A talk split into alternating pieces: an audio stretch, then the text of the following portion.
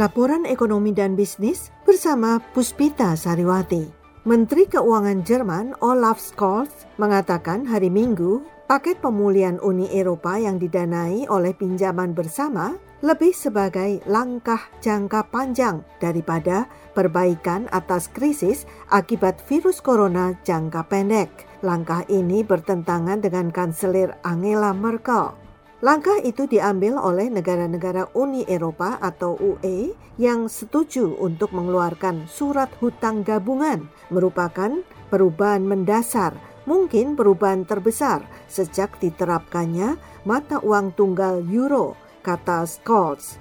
Langkah-langkah ke depan ini mengarah pada perdebatan tentang sumber daya bersama UE, kondisi untuk perbaikan Uni Eropa agar bisa bekerja lebih baik tambahnya.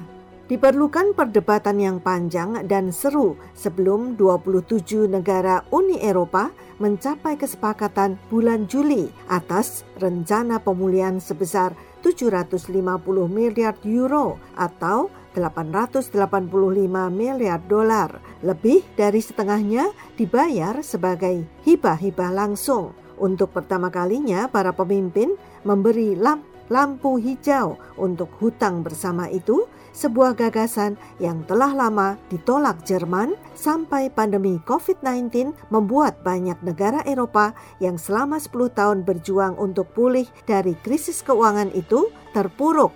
Scholz menambahkan cara pemungutan suara di tingkat Uni Eropa harus dirombak untuk mempermudah pengambilan keputusan. Dalam pemungutan suara di Dewan Eropa, mayoritas yang memenuhi syarat harus dicapai dengan 55 persen negara yang mencakup negara anggota yang mewakili 65 persen dari 450 juta penduduk di blok itu.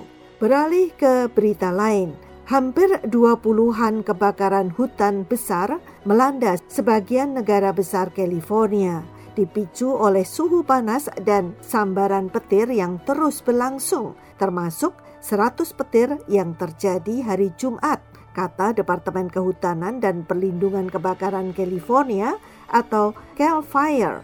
Presiden Donald Trump hari Sabtu menyatakan kebakaran itu sebagai bencana besar, kata Gedung Putih.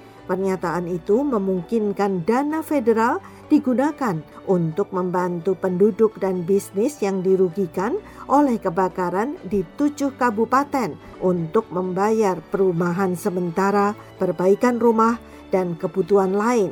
Hampir 14.000 petugas pemadam kebakaran dikerahkan, tetapi penanggulangan oleh negara bagian California masih belum mencukupi maka negara bagian itu meminta bantuan tambahan dari negara-negara bagian lain, kata Cal Fire hari Sabtu. Seorang petugas pemadam kebakaran kota Fresno, Jay Tracy, juru bicara kompleks kebakaran itu mengatakan api telah memusnahkan 314 ribu hektar di lima kabupaten, termasuk sejumlah perkebunan anggur di negara bagian itu dan komunitas antara San Francisco dan Sacramento. Sekian laporan ekonomi dan bisnis, Puspita Sariwati, VOA, Washington. The Voice of America.